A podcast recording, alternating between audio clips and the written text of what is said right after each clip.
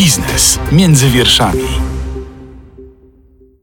Z 250 zł podwyżki 13 emerytury rząd zabiera od razu ponad 210 zł, zostawiając 37. Jak do tego doszło? Dlaczego 13 emerytura została w tym roku opodatkowana? O tym porozmawiamy z doktorem Antonim Kolkiem, prezesem Instytutu Emerytalnego. Dzień, dzień dobry panu, dzień dobry państwu. Ja nazywam się Michał Tomaszkiewicz, to jest podcast Biznes między wierszami. Zapraszam. Panie Antoni, czy rząd właśnie położył ręce na 13 emeryturze?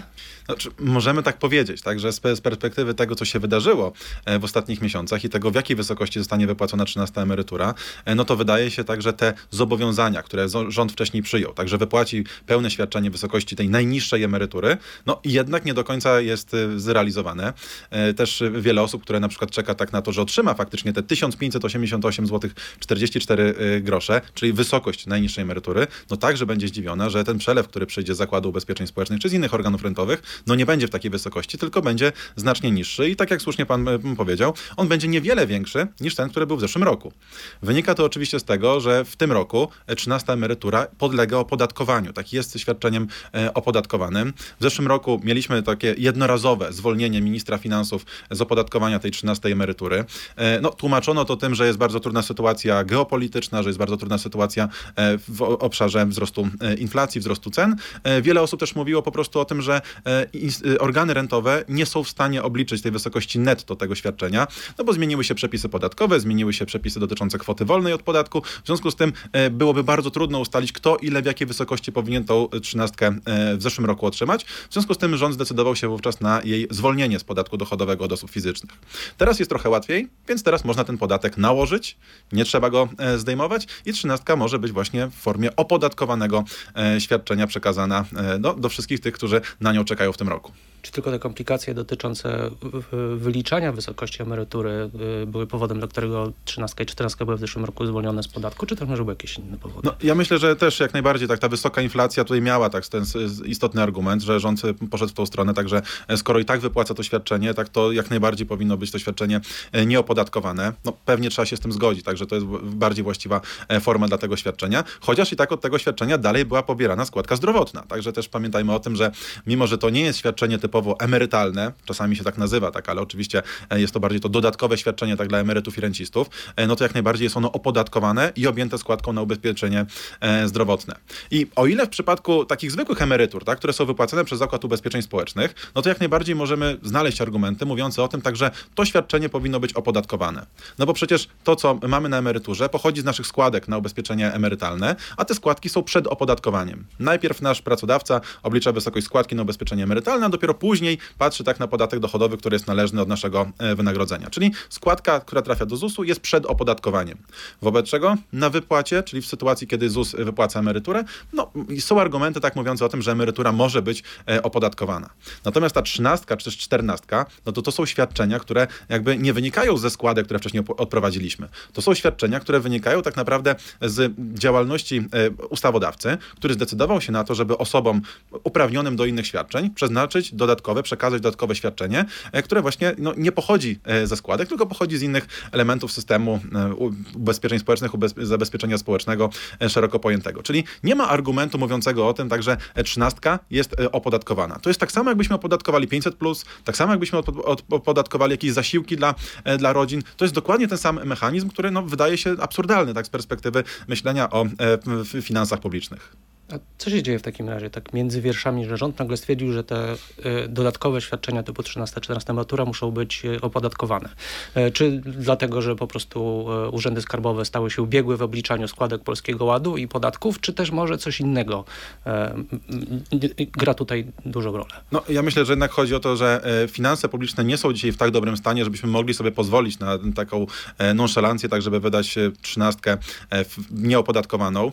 Proszę też zobaczyć także E, największym e, beneficjentem 13 emerytury jest Narodowy Fundusz Zdrowia, tak, który tak naprawdę otrzymuje 9% tak, od tego, co należy e, się do wypłaty wszystkim świadczeniobiorcom. Tak, to ten największy beneficjent tak, tego rozwiązania, który też oczywiście cieszy się tak, z, tej, z tej sytuacji, no bo środki, tak, które były w innych funduszach, są przesuwane do innego funduszu. No, oczywiście możemy powiedzieć, prawda, że to jest tak zwany ten duży budżet, cały sektor finansów publicznych i możemy te środki tak, tak przesuwać. Natomiast no, oczywiście w komunikatach lepiej brzmi, prawda, ta wysokość 1000 1588 zł 44 grosze, natomiast na konto tyle nie wpływa. Tak, tego musimy być e, świadomi, jako te osoby, które gdzieś tam no, mają e, perspektywę, że kiedyś by tą trzynastkę chciały otrzymać, ale przede wszystkim też ci, e, którzy za chwilę na ten przelew czekają, taki faktycznie zaraz ten przelew będą chciały otrzymać, to muszą być świadomi tego, że to nie będzie dokładnie tyle tak, co widać jako ta wysokość najniższej emerytury, tylko właśnie to będzie przy odpowiednich potrąceniach podatkowych i składkowych. I ja myślę, że właśnie tutaj głównego argumentu, dlaczego tak jest, należy jednak odszukiwać w tym trudnej sytuacji finansów publicznych, które oczywiście, no, jak pokażemy e, bilanse, tak, czy jak pokażemy sprawozdania finansowe, czy jak pokażemy e, wykonanie budżetu za 2022 rok, oczywiście ono jest dobre, Natomiast jeśli popatrzymy już bardziej w szczegóły i przyjrzymy się, e, jakie były źródła tak tego wzrostu, tak albo z czego e, w niektórych funduszach ten wzrost pochodził, no to jednak okaże się tak, że mamy bardzo dużo kreatywnej księgowości i właśnie przesuwania tych środków pomiędzy funduszami, a nie rzeczywistego wzrostu e, gospodarczego, który by napędzał ten, ten wpływ do budżetu. Czyli jest tak źle, że rząd zaczął oszczędzać na swoich najdroższych wyborcach i to w roku wyborczym. No, myślę, że oszczędzać to jest e, trochę za dużo, no bo przecież będzie więcej niż w poprzednim roku, trochę więcej. E, natomiast no faktycznie e, być może e, rząd liczy na to, tak, że nie wszyscy się zorientują, także nie wszyscy e, zobaczą, tak ile faktycznie otrzymali. Zresztą e, wiemy tak, że ten poprzedni rok był dość skomplikowany, tak jeśli chodzi o otrzymywanie świadczeń. Te świadczenia były w różnych wysokościach, w zależności od miesiąca, tak, w którym dany emeryt pobierał to, to świadczenie. Mamy też, prawda, waloryzację marcową, więc e, wiele osób może się nie zorientować tak naprawdę, ile powinno tak tego świadczenia e, otrzymać. Natomiast oczywiście tak na transparentach e, wysokość najniższej emerytury lepiej brzmi niż wysokość najniższej emerytury pomniejszona o podatek dochodowy oraz o składkę na ubezpieczenie zdrowotne. A na ile pieniędzy w takim razie mogą liczyć emeryci z, tych, z tego 1588 zł 44 groszy?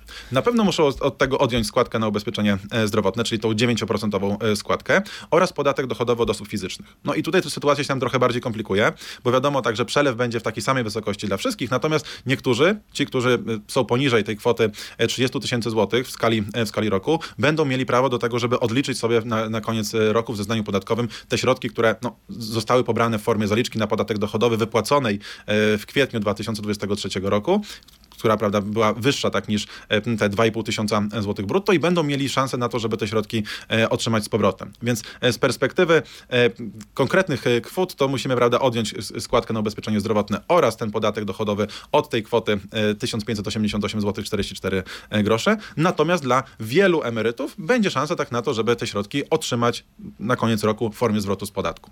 Z naszych wyliczeń wynika, że na rękę y, w, w tym najgorszym przypadku pełnego opodatkowania będzie 1254 zł i 87 groszy. Co Dokładnie jest tak. dokładnie 36 zł 88 groszy więcej niż w zeszłym roku. No właśnie, no i gdyby taki komunikat się pojawił, tak, że podwyżka 13 emerytury w ciągu roku tak wynosi zaledwie 30 kilka złotych, gdzie widzimy, prawda, jak wysoka była inflacja tak od tego czasu, tak jak e, bardzo e, zmniejszyła się wartość tak tego świadczenia, no to wszyscy byśmy powiedzieli, także no to chyba nie jest tak ta 13 emerytura, to chyba w zeszłym roku było lepiej, tak, bo e, przy niższej inflacji tak otrzymaliśmy prawie takie samo świadczenie. W tym roku widzimy tak, że mimo waloryzacji, to objęcie tak tego świadczenia podatkiem dochodowym od osób fizycznych znacząco zmienia jego wartość. Dowiedzieliśmy się właśnie, że na wypłatę 13 emerytury brakuje 5 miliardów złotych. Skąd rząd weźmie te pieniądze? No właśnie, to też jest bardzo y, trudne tak, do wyjaśnienia, tak, no bo e, z perspektywy finansów publicznych, no przecież te pieniądze są w systemie, tak, przecież e, mamy budżet państwa, mamy fundusze celowe, tak, te, te środki w, tych, w tym systemie finansów publicznych jak najbardziej y, funkcjonują. Ale no, zasady budżetowe są mniej więcej takie, że e, każdy wydatek musi mieć swoje pokrycie tak w odpowiednich e, dochodach, czy w odpowiednich e, źródłach, tak, z których zostanie e, sfinansowane. Ta 13 emerytura i 14 również są wypłacane co do zasady z Funduszu Solidarnościowego. To jest ten fundusz, który wcześniej nazywał się Solidarnościowy Fundusz Wsparcia Osób Nie- Niepełnosprawnych, e, przekształcony tak w, obecnie jako Fundusz Solidarnościowy, z którego są wypłacane świadczenia dla osób z niepełnosprawnościami jasne, jak też właśnie między innymi 13 i 14 e, emerytura. I teraz tak, e, pierwotnie wszyscy pracodawcy odprowadzali za swoich praco, pracowników 2,45% e, po, e, m, składki na Fundusz Pracy. Od 2019 roku tak naprawdę mamy e, zmianę e, i e, 1,45% wynagrodzenia każdego pracownika pracodawca przekazuje do Funduszu Solidarnościowego, czyli nie do Funduszu Pracy, tam został 1% n- przekazywany przez pracodawców, natomiast 1,45% zostaje przekazany na e, Fundusz e, Solidarnościowy. No i być może ten początek roku jest o tyle niefortunny, że po prostu brakuje środków tak płynnościowych na wypłatę tak znaczącej kwoty, jaką jest właśnie taka konieczność wypłaty 13 emerytur. Być może tutaj należy szukać przyczyny dlaczego jest konieczna tak szybko pożyczka z Funduszu Rezerwy Demograficznej na to, żeby sfinansować wydatki związane z 13 emeryturą. Ta 13 emerytura, ona jest skierowana mniej więcej do 10 milionów osób, no bo to są emeryci, to są renciści, to są emeryci z KRUS-u, to są emeryci mundurowi, także ta grupa to jest mniej więcej, niespełna, tak, 10 milionów osób. W związku z tym łatwo policzyć, jeśli każdemu mamy dać 1000 prawie 600 zł brutto, no to prawie tak te 16 miliardów, około 15 tak w do, dokładnym e, obliczeniu, e, wynosi tak ta kwota, którą musimy przekazać. Być może tak od stycznia do, e, do kwietnia jeszcze aż tyle środków nie wpłynęło do Funduszu Solidarnościowego ze, ze składek pracodawców, no w związku z tym te, te, te środki muszą być uzupełnione poprzez pożyczkę z Funduszu Rezerwy Demograficznej. To jest też ten sam Fundusz Solidarnościowy, na który składają się wszyscy, którzy płacą daninę solidarnościową. No i oczywiście w takim przekazie medialnym tak mówi się, że to są ci milione, milionerzy, tak, ci najbogaci, tak, którzy danym roku osiągnęli dochód powyżej e, miliona złotych, ale proszę zobaczyć tak, że tym milionerem też bardzo łatwo zostać, tak, bo czasami wystarczy e, sprzedać nieruchomość, czasami wystarczy mieć jakieś inne transakcje, tak, które wpłyną na wysokość dochodu i nagle się okaże, prawda, że tym milionerem też zostajemy i musimy zapłacić tą 4% e, daninę solidarnościową. Także z perspektywy tego, kto tym milionerem jest i kto musi do tego funduszu dopłacić, no to też pamiętajmy tak, że czasami tak tych milionerów spotykamy na ulicy, nawet nie wiedząc o tym, także taka osoba tak też będzie musiała tą daninę solidarnościową zapłacić. Oczywiście Oprócz tego ci wszyscy prawdziwi milionerowie, którzy e, też taką kwotę otrzymują dochodu tak w skali roku e, podatkowego. Czyli tak, mamy to źródło ze składek od pracodawców, mamy to źródło z, daniny solidarnościowej i okazuje się, że brakuje nam jeszcze pieniędzy na to, żeby trzynastkę wypłacić. W związku z tym rząd, zgodnie z przepisami, ma prawo zaciągnąć pożyczkę w Funduszu Rezerwy Demograficznej i przekazać ją do Funduszu Solidarnościowego. I to jest tak. E, Fundusz Rezerwy Demograficznej powstał po to, żeby w czasach, kiedy faktycznie demografia w Polsce będzie bardzo trudna, kiedy ta relacja liczby osób pracujących do liczby osób w wieku poprodukcyjnym będzie mniej więcej 1 do 1. Tak, to są te lata 2040-2050, kiedy będziemy mieli około no, 12-13 milionów osób pracujących i około 12 milionów emerytów tak, czy osób w wieku e, poprodukcyjnym, tak, jeśli nie, nie zmienią się e, te, te, te proporcje e, osób na rynku pracy i osób w wieku poprodukcyjnym. To wówczas będziemy potrzebowali dużych dopłat do Funduszu Ubezpieczeń Społecznych, żeby faktycznie móc tym osobom no, sfinansować bieżące świadczenia, bieżące emerytury, nie trzynastki, czternastki, tak, nie jakieś dodatki, tak, tylko faktycznie bieżące emerytury. No i ten Fundusz Rezerwy Demograficznej dzisiaj posiada około 53-4 miliardów złotych. Dokładnych dan dokładne dane jeszcze jeszcze nie są znane tak na koniec 2022 roku, nie są jeszcze opublikowane. Natomiast no, to jest ten, ten rząd wielkości, tak, te 53-54 miliardy złotych. Ale uwaga, e, na, na aktywa tego Funduszu Rezerwy Demograficznej składa się już 11 miliardów złotych z pożyczki, którą wcześniej FRD e, pożyczył, tak udzielił e, Funduszowi Solidarnościowemu. Teraz dojdzie kolejne 5 miliardów. Czyli na 53 miliardy tak naprawdę mamy 16 miliardów złotych w aktywach, które są tak naprawdę formą pożyczki. Co się z taką pożyczką może wydarzyć? No, zawsze może zostać umorzona, tak? czyli zawsze może się okazać tak, że no, nie trzeba będzie spłacić, tak? bo rząd przyjmie, czy władze przyjmą odpowiednią ustawę e, umarzającą tak, taką, e, taką pożyczkę, czyli wtedy okaże się, że zamiast 53 miliardów aktywów mamy minus 16, czyli 37, tak? czyli faktycznie może być to forma drenowania Funduszu Rezerwy Demograficznej. Ale nawet jeśli by nie była, to te 5 miliardów trzeba będzie oddać do Funduszu Rezerwy Demograficznej. E, rząd zaplanował, że koniec spłaty tak, tej pożyczki, którą jest udzielana na bieżącą wypłatę, tak, na, na wypłatę tych trzynastek, które za chwilę będą na kontach, to koniec spłaty tak, tej pożyczki do Funduszu Rezerwy Demograficznej jest zaplanowany na rok 2037.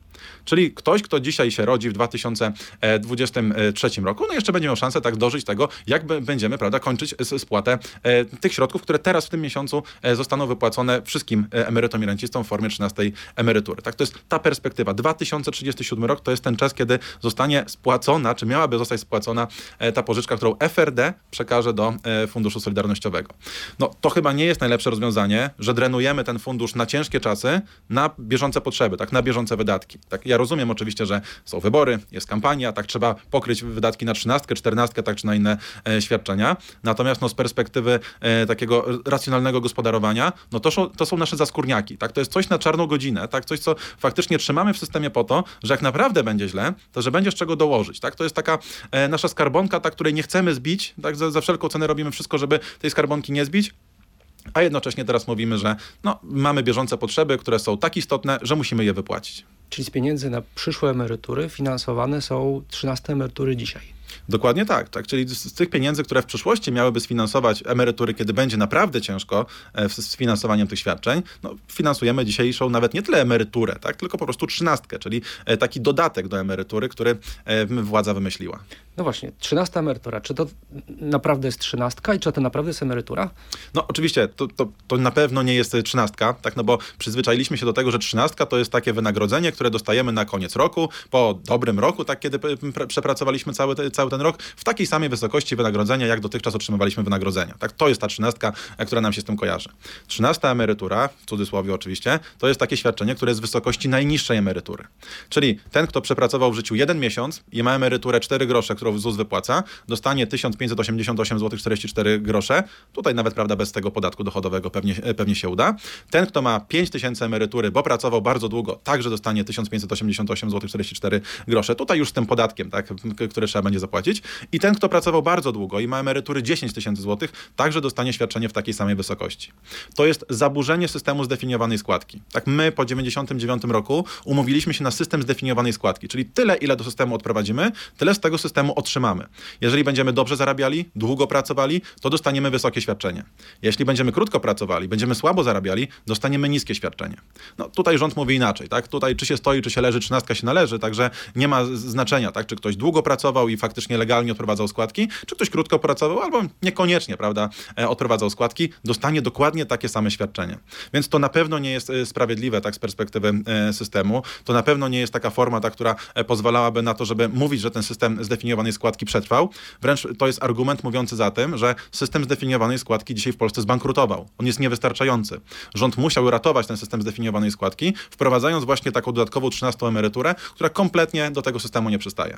No właśnie, dlaczego wprowadzono 13 emeryturę? Czy to był tylko taki chwyt marketingowy przedwyborczy, że y, składamy obietnicę, że seniorom będzie lepiej, potem spełniamy i e, dzięki temu mamy popularność? Czy rzeczywiście była jakaś głębsza potrzeba, te, y, która mówiła, że to, to świadczenie jest potrzebne? To jest bardzo trudne pytanie, bo faktycznie e, nasz system emerytalny wiąże się z tym, że mamy bardzo zróżnicowanych świadczeniobiorców. Wśród y, tych świadczeniobiorców mamy zarówno emerytów, którym naprawdę jest ciężko i naprawdę jest źle, ich sytuacja jest naprawdę trudna, ale też mamy emerytów, tak, którzy sobie dorabiają, którzy łączą e, pobieranie emerytury z dalszą pracą, z dalszą działalnością, ale także mamy tych emerytów, tak, którzy e, pobierają emeryturę, a na przykład, prawda, widzimy ich na pierwszych stronach gazet jako polityków, którzy pobierają emeryturę i jednocześnie e, dalej służą państwu tak w formie, czy to w parlamencie, tak, czy to w ławach rządowych. Także z tej perspektywy każda z tych osób trzynastkę jak najbardziej dostanie. No i tutaj moglibyśmy się zastanowić, tak, czy to jest na pewno racjonalne, tak, czy to jest na pewno dobra formuła wypłaty tak, tego świadczenia, bo na pewno są osoby, które w naszym systemie wymagają tak, takiego wsparcia. Bardzo często mówi się o tym tak, że e, wdowy, głównie wdowy, tak, niż wdowcowie, znaczy wdowcy, e, potrzebują takiego świadczenia właśnie w tej sytuacji, tak, kiedy e, zostają same na świecie, tak, bez tego drugiego dochodu w gospodarstwie emeryckim. Bardzo często tak też osoby na tych terenach zdegradowanych, tak, które są zapóźnione, bardzo często też te osoby, no, siłą rzeczy, tak, nie miały miejsca, tak, w którym mogłyby dobrze zarabiać, tak, tam nie było korporacji, tak, w której można było zarabiać kilkanaście tysięcy złotych miesięcznie, w związku z tym nie, ma, nie, nie miały możliwości tak odprowadzenia e, składek tak od wysokich wynagrodzeń, ale bardzo często są to osoby, które pełniły ważne misje w, w, naszym, w naszym społeczeństwie. Tak? To byli, e, byli lekarze, nauczyciele, tak? czy inne osoby, które e, pracowały w, w lokalnych społecznościach, które zarabiały słabo, w związku z tym też ich emerytura jest słaba. Więc jeżeli byśmy mieli mówić tak o tej 13 emeryturze, na ile ona jest sprawiedliwa, na ile ona jest właściwa, to pewnie znaleźlibyśmy bardzo wiele argumentów, które pozwalałyby na to, żeby ona została wypłacona, ale faktycznie tam, gdzie jest potrzebna. No, czternastka jest jeszcze większym zaprzeczeniem sprawiedliwości społecznej przy e, w, w, w jej wypłacie, natomiast trzynastka tak mogłaby być zupełnie inaczej e, skierowana, zupełnie do innej grupy. No ale to by wymagało tego, żeby no, trochę więcej e, czasu nad tym spędzić, żeby to świadczenie przygotować, żeby lepiej zaplanować tak, tą dystrybucję tego świadczenia. No a rząd widocznie poszedł po najmniejszej linii oporu i stwierdził także w takim razie przyznamy to świadczenie wszystkim. Także niezależnie od tego, kto, jakie, jakie ma warunki, finansowe, kto w jakiej, jakie ma wydatki, kto jak, ile ma osób na e, wychowaniu, tak, czy w, w opiece e, związanej z e, funkcjonowaniem jako emeryt tak, w, w, społeczeństwie, dostanie dokładnie takie samo świadczenie w takiej samej wysokości. No to pokazuje tak, że ta trzynastka nie była dobrze przemyślana, nie była dobrze zaplanowana i w związku z tym tutaj pewnie możemy wskazać, że było więcej argumentów politycznych, które mówiły o tym tak, że 2019 rok, wybory do Parlamentu Europejskiego i jeszcze przed tymi wyborami mogłoby takie świadczenie zostać wypłacone. E, To świadczenie zresztą proszę zobaczyć, także ono jest tak przygotowane, żeby zawsze w miarę na wiosnę e, było wypłacane.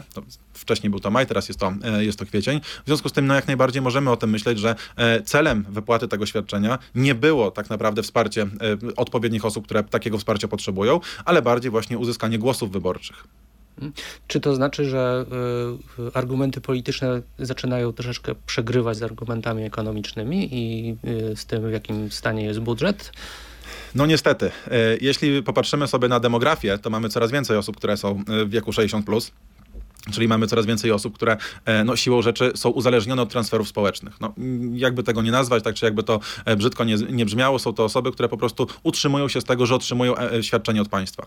W związku z tym, no, jeśli przychodzi władza, tak, która mówi o tym tak, że damy wam trzynastkę, czternastkę, a może i nawet piętnastkę, no to wiadomo tak, że pada to na podatny grunt. Tak? Osób, które faktycznie no, patrzą na swój portfel, patrzą na swoje wydatki, tak i wiedzą, że każde takie dodatkowe świadczenie by się przydało. Tylko znowu, to nie mamy rozwiązania problemu społecznego, tu nie mamy e, sytuacji, tak, w której faktycznie byśmy podnieśli standard czy poziom życia tak, tych osób, które otrzymują najniższe e, świadczenia, tylko mamy tutaj no, takie trochę e, rozsypywanie tych pieniędzy do wszystkich świadczeniobiorców, także do tych, którym się zupełnie nie przydadzą i którzy nawet nie zobaczą, tak, że im coś płynie więcej, bo są w dobrej sytuacji, tak, bo sobie dorabiają, bo są dalej aktywne zawodowo, pobierając jednocześnie emeryturę, bo to jest warunek przecież przy otrzymania trzynastki. Natomiast no, z drugiej strony są te osoby, którym faktycznie te środki by się przydały, no ale państwo na to nie zwraca uwagi. Tak, państwo wtedy się cieszy z tego, tak, że wszystkim przyzn- przyznało porówno i w myśl takiej dziwnej zasady, że jest to sprawiedliwe, no tak, tak do tego podchodzi. Czy istnieje w takim razie szansa albo niebezpieczeństwa, zależy kto e, na to patrzy, że to jest ostatnia taka trzynasta emerytura i że na przykład e, w przyszłym roku już trzeba będzie wprowadzić jakieś kryterium dochodowe albo w jakiś inny sposób ograniczyć e, liczbę osób, które otrzymają pieniądze?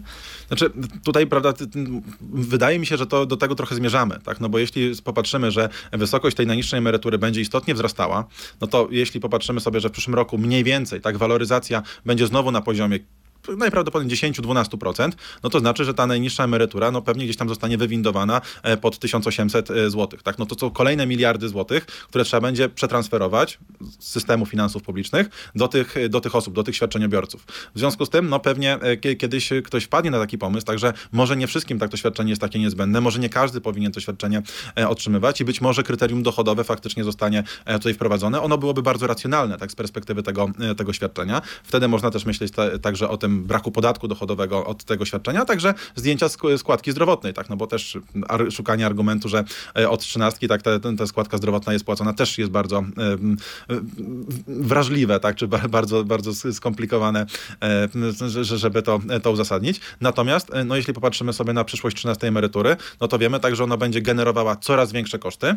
E, Jednocześnie, no dalej będziemy mieli tak to, to, to, to poczucie, że są osoby, które niekoniecznie tak to świadczenie e, potrzebują. Tylko jeśli mówimy o kryterium dochodowym, to broń Boże takie jak e, w przypadku 14 emerytury, bo tam to kryterium jest zupełnie zaburzone. E, W przypadku 14 emerytury bierze się pod uwagę tylko wysokość świadczenia e, przyznawane przez organ rentowy. Także mamy jeszcze większy paradoks, także ktoś może mieć niską emeryturę z ZUS-u, nie wiem, 1000 zł, ale na przykład ma nieruchomości, tak, z których się utrzymuje i jak najbardziej taka osoba otrzyma 14 emeryturę. Natomiast ktoś, kto otrzymuje emeryturę na poziomie 4,5 tysiąca złotych, no już 14 w zeszłym roku nie otrzymał, tak, no bo jego świadczenie wypłacane przez organy rentowe było zbyt wysokie. Także e, kryterium dochodowe jak najbardziej tak, tylko no nie takie jak przy 14, bo to zupełnie tak e, zakrawa tak na absolutnie e, złe skonstruowanie systemu. Jeżeli chodzi o 14 emeryturę, to także jest zła wiadomość dla emerytów w tym roku, gdyż rząd co prawda zwaloryzował świadczenie o 14,8% zgodnie z wzorem w ustawie, ale zapomniał, przynajmniej w projekcie, o którym słyszeliśmy, zwaloryzować także próg dochodowy, który odcina od 14 więc y, kolejna zła wiadomość dla emerytów. Znaczy, pierwszą złą wiadomością jest, jest y, ta, że póki co nie ma żadnych przepisów, które by wprowadzały w 2023 roku 14 emeryturę. To jest na razie projekt ustawy. Tak, my nie wiemy, tak jak ten projekt będzie procedowany, czy on wejdzie w życie, czy on zostanie e, faktycznie zrealizowany. Póki co bazujemy tak na samym projekcie i zapowiedziach władzy, że to się, e, to się uda. Skoro obiecali, Pewnie się uda, no bo to jest przed samymi wyborami, więc nie sądzę też, żeby opozycja prawda, mogła zagłosować przeciwko tak, takiemu e, rozwiązaniu. No ale oczywiście są różne sytuacje. Taki różne mogą być zmiany, takie różne trudności polityczne. Nie wiadomo, prawda, jak, jak, jak to wszystko będzie się toczyło. Więc pierwsza informacja jest taka, w 2023 roku póki co nie mamy żadnej czternastki. Tak? Ona jest obiecana, natomiast przepisy jeszcze o tym nie mówią, tak? W żadnym, w żadnym akapicie. Faktycznie jest projekt, e, faktycznie w tym projekcie zwaloryzuje, zostanie zwaloryzowane tak to świadczenie będące 14 emeryturą w cudzysłowie, natomiast nie jest waloryzowany próg właśnie ten e, wysokości świadczenia, które otrzymujemy, to jest dalej 2900 zł.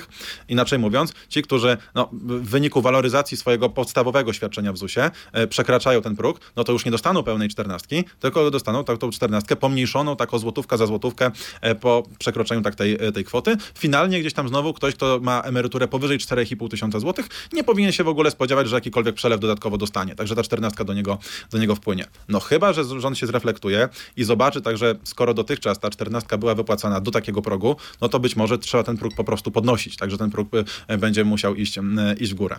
Natomiast no, tutaj jakby to, to, to dwa zdania wcześniej, tak, dotyczące tej zasadności w ogóle wypłaty czternastki, takiego kryterium quasi dochodowego, no tak naprawdę to kryterium też powinno być zmienione. Tak, oczywiście rząd się tłumaczy tak, że nie ma takich danych, że to jest najprostsze, prawda, żeby zobaczyć tak wysoko świadczenia, którą organ rentowy e, wypłaca. Natomiast no, praktyka jest taka, no, że dostaną znowu tak to świadczenie niekoniecznie ci, co potrzebują, tak, czy niekoniecznie ci, którzy są do tego e, uprawnieni. Tak, no, czternastkę dostanie 24-latek, który ma rentę rodzinną, ale nie dostanie tej czternastki ktoś, kto pracował przez 50 lat i ma 5 tysięcy złotych emerytury.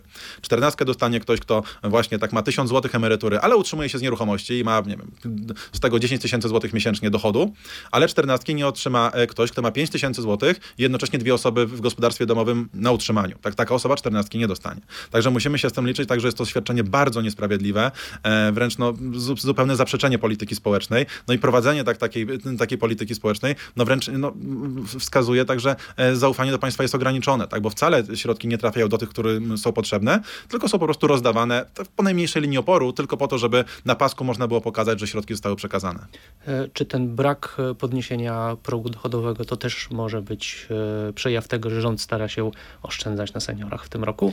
Oczywiście, że tak. Tak, tutaj znowu, prawda, możemy szukać tych argumentów ekonomicznych, także rząd już ma coraz więcej świadomości, także w tym funduszu solidarnościowym tych pieniędzy za dużo może nie być, także trzeba będzie zasilać tak kolejnymi pożyczkami, tak z innych, z innych środków.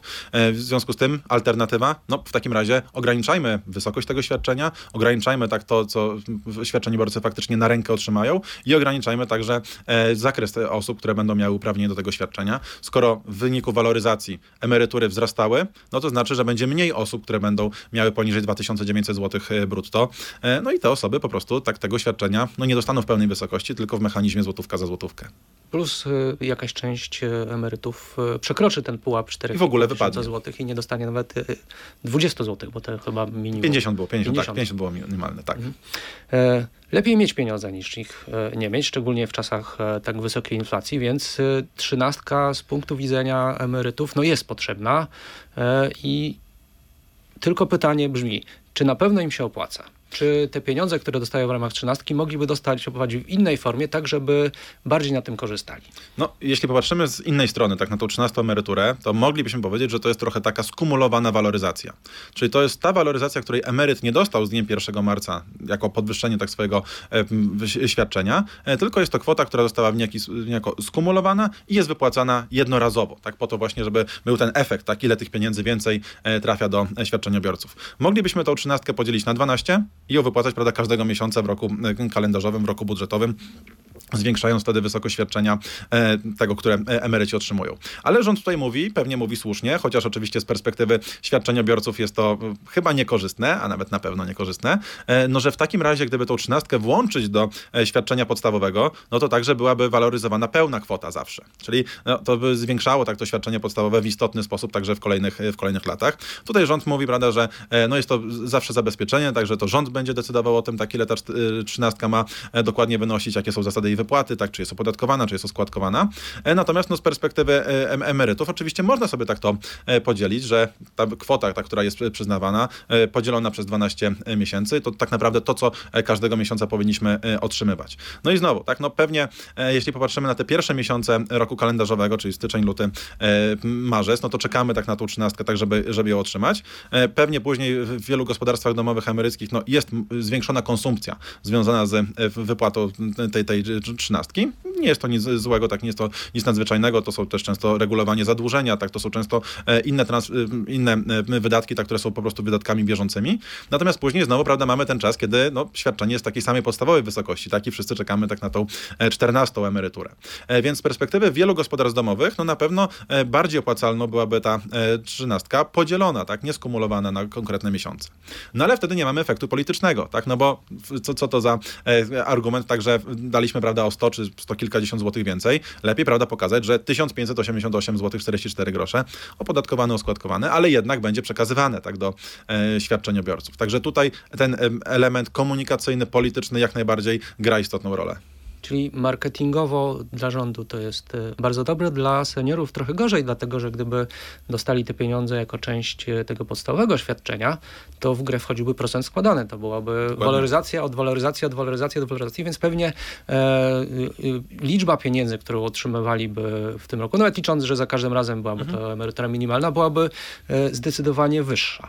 Oczywiście, no tutaj jest to na tyle też skomplikowane, także rząd często posiłkuje się tą waloryzacją kwotowo-procentową, tak? Więc tak naprawdę bardzo trudno nam powiedzieć dokładnie, tak jaka to mogłaby być e, kwota, tak, czy przyjąć jakieś e, założenia, tak, które by to pokazywały. No wiemy, że także nie sama inflacja, tak, ale dzisiaj to 250 zł, tak, e, podniesienie najniższej emerytury, no trochę by nam zaburzyło tak ten, ten schemat, no ale co do zasady tak, tak, gdyby to było nasze świadczenie podstawowe, mielibyśmy pewność, że ono będzie zawsze wypłacane, po drugie, tak, byłaby to waloryzacja od tej zwaloryzowanej kwoty i tak dalej, i tak dalej, czyli no, mielibyśmy ten procent składany, tak, o którym pan powiedział, który znacząco zwiększa tak, wysokość tej emerytury e, podstawowej. No ale oczywiście no, tutaj wtedy e, gorzej marketingowo, gorzej politycznie by to e, mogło wyglądać. No i zdecydowanie więcej pieniędzy trzeba, żeby potem wypłacić te emerytury, co nie zawsze jest możliwe prezes ZUS Gertruda, Gertruda Uścińska nawet powiedziała kiedyś o 13 emeryturze, że jest to bardzo wygodne świadczenie z punktu widzenia finansów państwa, dlatego że nie, no, nie niesie za sobą żadnych konsekwencji tak naprawdę. E, no niesie ogromne konsekwencje. Tak, proszę zobaczyć, że jeżeli popatrzymy, że ta trzynastka jest finansowana e, przede wszystkim z naszego wynagrodzenia. Tak, każdy, kto dzisiaj poszedł do pracy, dostanie za, to, za tą pracę wynagrodzenie i od tego wynagrodzenia pracodawca 1,45% przekaże do e, ZUS-u, a ten do Funduszu Solidarnościowego, z którego zostaną wypłacone te trzynastki i czternastki. Czyli jest to taka forma podatku, no bo trudno mówić o jakiejś ekwiwalentności, tak? No, pracodawca nic z tego nie będzie miał, tak, że za chwilę rząd wypłaci 13 e, emerytury, tylko pracodawca jest zobligowany do tego, żeby e, tą, w cudzysłowie, tak, składkę na Fundusz Solidarnościowy e, zapłacić, z czego zostaną te trzynastki sfinansowane, no ale w takim razie brakuje nam te 1,45% wynagrodzeń pracowników w Funduszu Wynagrodzeń. Czyli gdyby nie było tak tych, tych przepisów, no to 1,45% zostawałby u pracodawców. Nie wiem, czy pracodawcy by to przeznaczyli na wynagrodzenia pracowników, pracowników, czy na inne e, działania. Natomiast no, to są te pieniądze, które z gospodarki znikają na skutek wypłaty 13 emerytury. Także też o tym e, pamiętajmy, także tutaj wszystko musi się e, zgadzać prawa z lewą stroną. No i skoro mamy wydatki, to muszą być znalezione źródła finansowania, a tym źródłem finansowania są budżety pracodawców. Więc jeśli pracodawcy tak muszą przekazywać 1,45% wynagrodzeń pracowników, to na coś nie wydadzą. Być może ktoś nie dostanie z, tego tytułu podwyżki, być może ktoś będzie musiał pożegnać się z miejscem pracy, tak, bo zabraknie tych środków funduszu wynagrodzeń. Być może nie będzie jakiejś inwestycji, być może nie będzie dywidendy dla pracodawcy, tak, bo oczywiście to też jest e, element tak, ten, tego, tego systemu. Natomiast no, ten system zawsze ma e, te dwa e, końce, no i skoro jest świadczenie, to także musi być źródło finansowania. Z drugiej strony myślę, że chodziło bardziej o to, że ta wypłata trzynastki nie wiąże się z długotrwałymi konsekwencjami dla budżetu, szczególnie dla ZUS-u po, po, pierwsze to, to nie pieniądze ZUS, po drugie no skoro y, ta kwota nie wchodzi w skład świadczenia, jest waloryzowana, więc w przyszłości nie trzeba będzie więcej płacić emerytom. No ale jakbyśmy ten 1,45% przekazali w formie wynagrodzeń dla pracowników, to od tego trzeba byłoby zapłacić także pochodne, tak, czyli między innymi składkę na ubezpieczenie emerytalne. Więc finalnie tak, takie działanie tak mogłoby być pokazaniem także tak naprawdę e, ta 13 emerytura w dużo gorszym stopniu e, wpływa na całą gospodarkę, zarówno na e, konsumpcję, na wydatki, jak i na wpływy do budżetu państwa, niż właśnie ta, ta formuła, która dzisiaj została przyjęta. Inflacja wyniosła 14,4%, y, waloryzacja y, wyniosła 14,8%. Natomiast e, z raportu analiza cen w sklepach detalicznych wynika, że średnie, średnia cena zakupów w zeszłym roku wzrosła o 20%, czyli jednak ta, ta, ta, ta, ta waloryzacja to jest za mało, żeby zadośćuczynić seniorom tempo wzrostu cen. Może więc te 13 i 14 naprawdę są potrzebne, szczególnie dla tych e, bardziej ubogich emerytów. Zresztą premier powiedział nawet, że uwzględniając właśnie dodatkowe świadczenia, waloryzacja będzie wynosić około 20%. Czyli właściwie wszystko się zgadza. No właściwie wszystko się zgadza, tak, tak, tak moglibyśmy w dużym skrócie e, powiedzieć. To natomiast e, no, z perspektywy makroekonomicznej moglibyśmy się zastanowić, czy to są najlepsze decyzje, czy takie decyzje należało podejmować.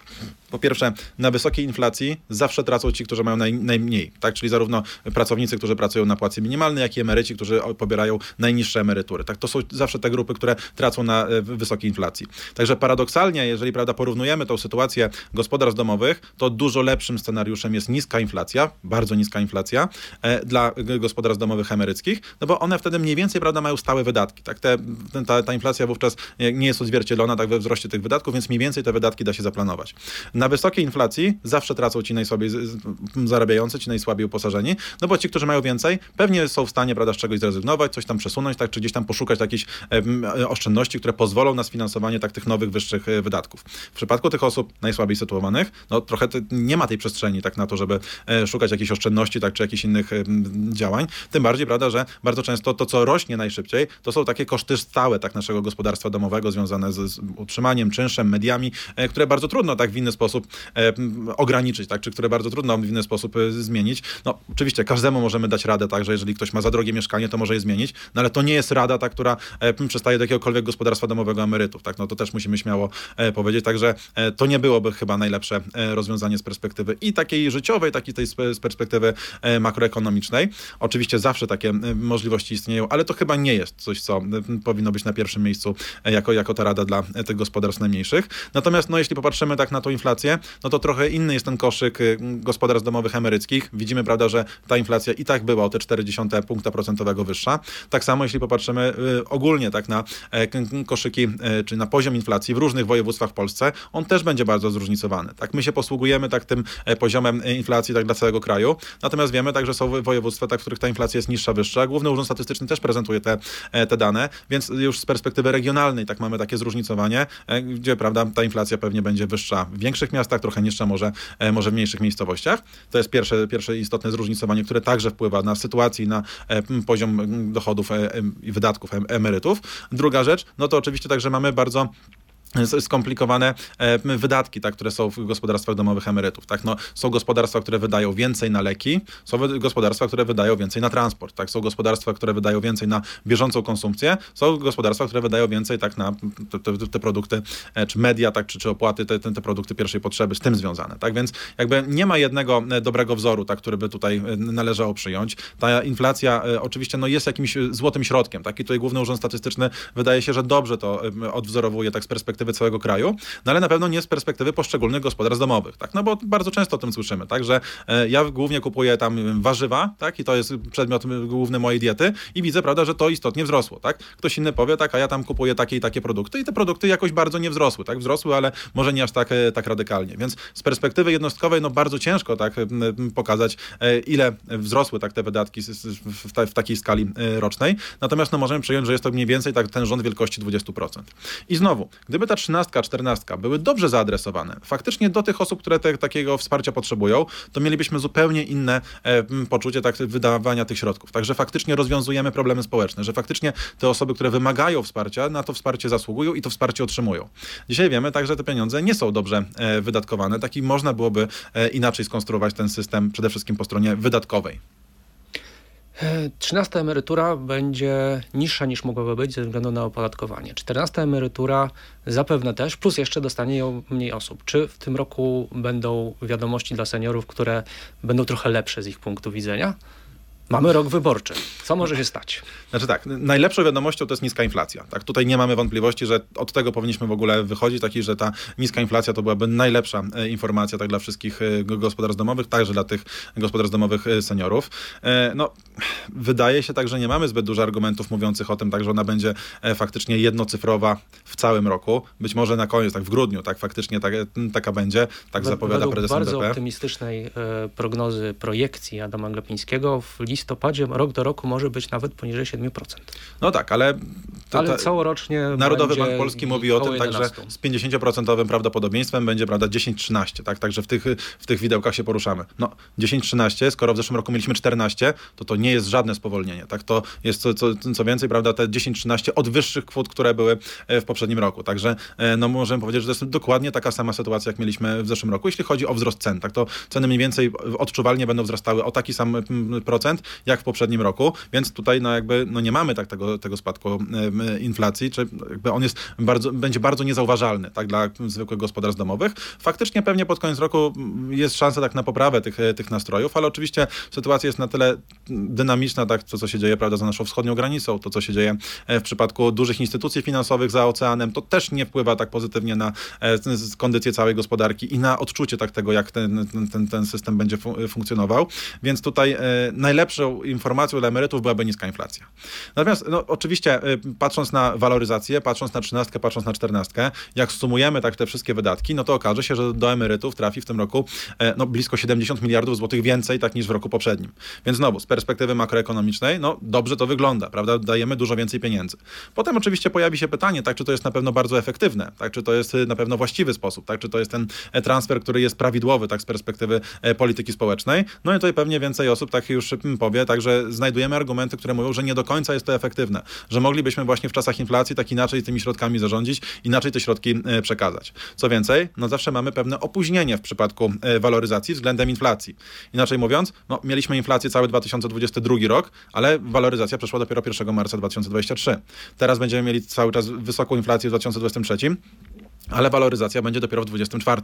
Także rząd niejako korzysta tak na tym opóźnieniu i nie musi prawda, szukać dodatkowych środków w trakcie roku budżetowego, e, dzięki czemu tak, no, te, te, te środki prawda, są dopiero z pewnym opóźnieniem e, przekazywane. Dla gospodarstw domowych to oczywiście gorsza sytuacja, tak, bo gdyby waloryzacja była częściej, no to pewnie częściej prawda, mielibyśmy tą sytuację, w której e, mniej odczuwalibyśmy tak skutki inflacji tak względem tego, co, co, co zmienia się w, polityce makroekonomicznej i przede wszystkim w, przypadku inflacji. Ale no, tak patrząc tak z perspektywy e, makro, na pewno tak najbardziej istotnym e, zagadnieniem w tym roku jest inflacja, no i także to, żeby e, transfery społeczne dogoniały tak, tą, tą, tą inflację względem gospodarstw domowych. Oczywiście to jest tylko na poziomie gospodarstwa domowego, tak to co, to, co byśmy chcieli. Z perspektywy całej gospodarki, no pewnie widzimy, że jest dużo więcej obszarów, tak, które wymagają istotnego działania dzisiaj. Guzu liczył, że w 2020 roku y, realna siła nabywcza emerytur spadła o 4,7%. Po raz pierwszy od 20 lat y, doszło do takiego zdarzenia. Czy istnieje niebezpieczeństwo, że w tym roku ta sytuacja się powtórzy, że y, mimo tego, że jest ta rekordowa podwyżka świadczeń w marcu, miesiąc po miesiącu ceny będą rosnąć tak bardzo, że to nie wystarczy? No, to jest trudne pytanie, takie ono wiąże się tak naprawdę z pewnymi założeniami, tak, które musimy sobie przyjąć do takiej prognozy. Tak? E, jeśli przyjmiemy wariant optymistyczny, no to najprawdopodobniej będzie dobrze. Tak? Czyli nie będziemy prawda, mieli tak tego, e, tej sytuacji, tak, kiedy będziemy realnie tracili, tak? czy wartość świadczeń będzie realnie spadała tak, względem tego, co było, co było dotychczas. Natomiast no, jeśli przyjmiemy sobie już taki wariant uśredniony, tak, czy bardziej pesymistyczny, no to niestety musimy się z tym liczyć, tak, że to będzie powtórka tak, zeszłego roku i że dalej będziemy czuli, także co, co prawda mamy więcej w portfelu, ale ta nasza kwota więcej więcej w portfelu jest coraz mniej warta, czyli za tą samą kwotę możemy coraz mniej, e, mniej kupić, albo nawet trochę wyższą kwotę możemy coraz mniej kupić. Także z perspektywy e, takich odczuć e, wielu konsumentów, tak no możemy powiedzieć, że no, to będzie mniej więcej podobny rok jak 2022 i faktycznie bardzo trudno dzisiaj powiedzieć, tak, czy to będzie jednak rok, w którym odczujemy, że te świadczenia, które otrzymaliśmy, to one zrównały, tak, czy zrekompensowały nam te, te, te ubytki wynikające z, ze wzrostu cen w gospodarce, czy też znowu, tak, będziemy będziemy odczuwali, że jednak nam coraz bardziej brakuje w tym portfelu, także tych środków jest coraz mniej. E, ale na to zagadnienie tak trzeba by patrzeć dużo szerzej, tak więc pewnie e, aż tyle byśmy czasu nie mieli na to, e, bo jeśli popatrzymy tak na uwolnienie kosztów energii, jeśli popatrzymy tak na zmiany dotyczące cen na, na stacjach, pamiętajmy także, że jest cały czas tarcza antyinflacyjna, ta, która też obniżyła wiele, wiele cen produktów, patrząc tak naprawdę na podatki, które są obniżone. No więc właśnie, tak więc gdyby się wydarzyła jakaś sytuacja tak związana z zakończeniem tarcz, z uwolnieniem cen energii, tak, czy też e, z e, waloryzacjami tak, tych wszystkich e, opłat bieżących, no to nagle prawda, mogłoby się okazać, że mamy bardzo, bardzo, bardzo za mało tych pieniędzy tak względem poprzedniego roku. Oczywiście to by się wiązało tak z jakimś wystrzałem inflacji, także no, coś, coś za coś. Nie wiem, które rozwiązanie jest lepsze, takie, które rozwiązanie byłoby bardziej zdrowsze tak, dla, dla naszej gospodarki, no bo finalnie tak to mrożenie cen, tak, czy przedłużanie tarcz też kosztuje, tak? I też ktoś za to musi zapłacić tak z perspektywy całej gospodarki. Więc no, patrząc tak bardzo makroekonomicznie, jakby to mogło wyglądać, mamy bardzo wiele znaków zapytania. Tak? Tutaj bardzo wiele zależy zarówno od rynków globalnych, od tej sytuacji tak na, na, na poziomie E, geopolitycznym, tak to sobie nazwijmy, ale także właśnie od tych konkretnych decyzji, czy to koncernów, czy to urzędów regulujących, e, czy to właśnie e, samego rządu, tak, który miałby tutaj, mógłby, prawda, zmienić, tak, albo, albo przedłużyć, albo przestać przedłużać tarczę antyinflacyjną, co także wpłynęłoby znacząco tak na wzrost kosztów naszego życia. No i wtedy, prawda, z tej naszej prognozy, tak mówiącej, że nie będzie tak najgorzej, nagle, prawda, wszystkie scenariusze stają się scenariuszami negatywnymi i wszyscy emeryci tak odczuwają bardzo mocno tak ten wzrost cen. 13 emerytura stała się codziennością. 14 emerytura no, też już się opatrzyła. Co rząd może obiecać seniorom przed wyborami, żeby e, wywołać taki efekt wow, tak, chcę? No, to jest też bardzo trudne pytanie, tak, no bo oczywiście obiecać można wszystko, tak? Ktoś kiedyś powiedział tak, że... spełnić na dodatek. No, ktoś powiedział kiedyś tak, że dwa razy obiecać, to jak raz dać, tak? No więc no, to też, prawda, tak można powiedzieć. Można nawet y, dowieść tą obietnicę, tak? Czy można tę obietnicę spełnić, tak? Tylko e, pytanie jest, jakim kosztem, tak? No bo jeśli to będzie znowu obietnica e, taka, że skonsumujemy środki z Funduszu Rezerwy Demograficznej, albo to będzie taka obietnica, że znowu pracownicy będą mieli niższe wynagrodzenia, bo będzie jakaś tam składka, którą będą musieli zapłacić ich pracodawcy do Funduszu Solidarnościowego, no to pewnie to jest taka średnia obietnica, tak, tak jak popatrzymy sobie na, na jej przyczyny, tak i na jej konsekwencje e, w, w, w takim rozdaniu. E, natomiast, no oczywiście, tak, no, każde wybory wiążą się z tym, że e, jakaś tam propozycja musi paść z jednej i z drugiej strony. Pewna propozycja padła kilka lat temu, kiedy prezydent podpisywał ustawy dotyczące chyba wtedy 14 emerytury, także prawda, że ta 13, 14, a nawet i 15, tak więc ta, ta formuła gdzieś tam padła. No być może to będzie ten efekt wow, tak, być może to będzie tak to zaskoczenie na kampanię wyborczą, Natomiast no, pewnie wraz z tym zaskoczeniem chcielibyśmy zobaczyć źródło finansowania. Tak? I jeżeli to będą dalej wynagrodzenia bieżących pracowników albo e, przyszłe emerytury obecnych pracowników, no to to pokolenie pracujące powinno się zastanowić na zasadzie, czy to jest na pewno dobre i czy to jest na pewno odpowiedzialne, że władza tak sobie dobrze rozdaje tak te nasze pieniądze, które my zarabiamy każdego dnia na rynku pracy, czy to jest tak właśnie dobrze, że ta władza właśnie nasze emerytury, nie emerytury obecnych emerytów, tylko emerytury tych przyszłych emerytów właśnie skonsumowała, wydała tak na bieżące e, działania wyborcze, polityczne, niezależnie od tego, jak ich nazwiemy. Także to pokolenie pracujące powinno bardzo szybko się zapytać, tak? Na zasadzie trzynastka, a kto za to płaci? Czternastka, a skąd są te pieniądze? Piętnastka, kto, kto za to zapłaci, tak? Tutaj powinniśmy szukać tak tego, e, tego mechanizmu odpowiedzialności e, za państwo, odpowiedzialności za finanse publiczne, a jeżeli stwierdzimy tak, że faktycznie te świadczenia są potrzebne, no to może w takim razie zacznijmy myśleć o tym, jak je transferować w sposób bardziej efektywny, niż ma to miejsce e, dzisiaj, co też w naszej rozmowie wielokrotnie padało, także te pieniądze faktycznie faktycznie na pewno są do, skierowane do tych osób, które ich nie potrzebują i faktycznie do tych osób, które raczej z tych, tych, tych świadczenia by potrzebowały, nie do, nie do końca tak do tych osób te, te środki też, e, też trafiają. E, więc jeśli miałoby się pojawić tak jakaś nowa zapowiedź właśnie piętnastki, no, no bo to może być prawda, ten efekt wow. Piętnastka już została przyznana przecież, tak powiedziała minister Malon, która stwierdziła, że dzięki y, wprowadzeniu kwoty wolnej od podatku w wysokości 30 tysięcy złotych, to emerytom zostało tyle pieniędzy przez to, że nie musieli płacić podatku, że tak w praktyce to jest 15 emerytura. No tak, ale jeśli popatrzymy tak od tej strony podatkowej, to y, może się okazać, że y, bardzo dużo emerytów jednak żadnej 15 nie dostało, ponieważ na skutek tych zmian w przepisach e, prawa podatkowego podatek dochodowy, który płacą jest na tyle niski, że nie są w stanie na przykład odpisać ulgi na leki czy ulgi rehabilitacyjnej. Czyli no myślę, że ministerstwo by się szybko wycofało z takiej wypowiedzi, także to nie jest trafne. Tak? I faktycznie tam, gdzie mamy bardzo duże wydatki na leki, tak, czy bardzo duże wydatki tak, na sprzęt rehabilitacyjny różnego rodzaju, tak, zgodnie z przepisami ustawy o podatku dochodowym osób fizycznych, e, no to mogłoby się okazać, że e, te osoby tak naprawdę e, może nie tyle, że straciły, tak, bo tutaj pewnie też nie popadajmy tak w, w, w taką demagogię, tak, ale raczej nie odczuły takiej piętnastki, tak i nie, nie, nie poczuły, że w ich portfelu zostało więcej. Za chwilę, prawda, będziemy się o tym przekonywali, tak kiedy te osoby będą wypełniały zeznania podatkowe. Już pojawiają się sporadycznie osoby, które faktycznie mówią, że no, w 2021 roku było im lepiej niż w 2022 roku, bo na przykład mogły skorzystać właśnie z tych ulg, a od składki zdrowotnej tego nie odliczą przecież, no bo takie są są przepisy. W związku z tym, no, pewnie to nie jest duża grupa, tak, ale raczej ci, którzy potrzebowali, właśnie korzystają z tych, z tych ulg, raczej oni tej piętnastki nie zauważyli i raczej jej nie zauważą w rozliczeniu rocznym. Czyli no, piętnastka, no znowu tak, no, marketingowo fajnie brzmi, tak, że prawda została przyznana, bo obniżyliśmy podatki. No, pewnie nie do końca obniżyliśmy i nie do końca wszystkim się to opłacało i nie do końca wszyscy dostaną piętnastkę, ale znowu fajnie brzmi polity, politycznie, marketingowo.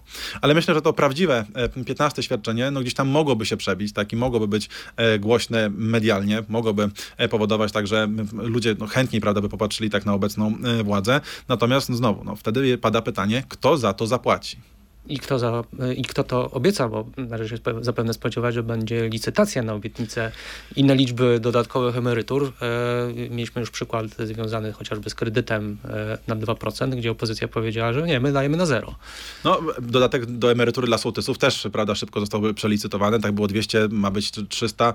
No, e, wydaje się tak, że no, to psucie systemu zdefiniowanej składki tak, no, ma się dobrze. Taki obecny rząd jest tym, który likwiduje system zdefiniowanej składki w Polsce. Polsce, tak naprawdę wprowadzając system zdefiniowanej składki, e, no, taki bardzo ograniczony, tak, bo to, ta zdefiniowana składka będzie wiązała się z tym, że otrzymamy emeryturę minimalną, a tak naprawdę wszystko, co powyżej tej emerytury, to właśnie trzynastki, czternastki, może właśnie opłaca się zostać tym strażakiem, może warto, prawda, zostać jednak sołtysem, bo tutaj, prawda, szukamy tak tych środków na, na jesień życia, natomiast no, nie na taki system się umawialiśmy, tak, nie o to w tym systemie chodziło, nie o to e, chodziło w tej reformie, żeby właśnie e, przejść na system zdefiniowanej składki, tak, żeby odejść od zdefiniowanego świadczenia, no widzimy, prawda, że obecna władza bardzo bardzo lubi, tak, te powroty do, do przeszłości. To jest jeden z takich, z takich powrotów, który no właśnie wiąże się z tym, że e, mamy e, coraz bardziej e, system zdefiniowanego świadczenia, coraz mniej system zdefiniowanej składki. A co realnie może się pojawić w tych obietnicach? Znaczy, co może być, takie, co może być obietnicą, która będzie realnie do spełnienia? Czy może to być na przykład, zakładając, że 14 emerytura jednak będzie zwolnienie jej z podatku, czy może zwolnienie z progu dochodowego, czy może druga waloryzacja, która byłaby chyba bardziej sprawiedliwa tak naprawdę dla, dla No właśnie, to ja bym może powiedział trochę przewrotnie, tak? Pierwszą obietnicą, którą powinien złożyć e, polityk, tak czy rząd, to to, że świadczenia będą wypłacane. Bo my trochę, prawda, żyjemy w takim przeświadczeniu, tak, że te świadczenia zawsze będą. No, jeśli popatrzymy sobie tak na naszą demografię, to przede wszystkim no, należy zagwarantować, że te świadczenia faktycznie będą dalej wypłacane. I to jest pierwsza, najważniejsza rzecz, jeśli chodzi o obietnice wyborcze, tak? Czyli utrzymujemy ten system, ten system będzie e, dalej, e, dalej funkcjonował. Druga rzecz, no to oczywiście, jeśli popatrzymy tak na tą bieżącą działalność polityczną, no to trzeba coś powiedzieć przy trzynastkach i czternastkach. No więc e, jeśli e, szukać, prawda, gdzieś e, efektywności tak tego systemu, to na pewno warto powiedzieć o tym, tak, że te świadczenia tak mogłyby być wydawane lepiej, tak lepiej niż dotychczas. Czyli właśnie miały być skierowane do tych osób, które je potrzebują. Zapewne tej trzynastki nie potrzebuje ktoś, kto pobiera emeryturę i jednocześnie jest posłem. Tak, zapewne tej trzynastki nie potrzebuje ktoś, kto pobiera emeryturę i jednocześnie jest prezesem jakiejś spółki, tak, czy, czy, czy innej organizacji, tak, w której się dobrze zarabia. Raczej tą trzynastkę, albo te środki tak zaoszczędzone z tej, z tej trzynastki, które nie zostaną przekazane tym osobom, można by było e, przekazać, przetransferować do tych osób, które faktycznie takiego wsparcia e, wymagają. Tak samo w przypadku 14 emerytury, no pewnie e, nie tylko to kryterium wysokości świadczenia, ale realne kryterium dochodowe. Być może trzeba przenieść część obowiązków związanych z wsparciem tej, w ramach systemu emerytalnego na poziom samorządowy. Być może to samorządy powinny częściej, tam gdzie prawda, mamy więcej wiedzy o tym, kto naprawdę tego wsparcia potrzebuje, tam gdzie faktycznie w tej gminie, w, w, w, w tym urzędzie faktycznie lepiej, lepsze jest rozeznanie, tak, kto takich świadczeń faktycznie e, potrzebuje. Nie mówię tak, że to jest, ma być systemowe rozwiązanie, tak, ale to może być element tak myślenia o zabezpieczeniu społecznym, nie tylko o ubezpieczeniach społecznych, tak, ale o całym zabezpieczeniu e, społecznym, tak żeby te środki, które dzisiaj mam wrażenie są marnowane, były wydawane faktycznie na to wsparcie, które jest ludziom e, potrzebne i to by może wyrównywało faktycznie pewien poziom życia i, i pewne nierówności, tak, które dzisiaj w gospodarce funkcjonują.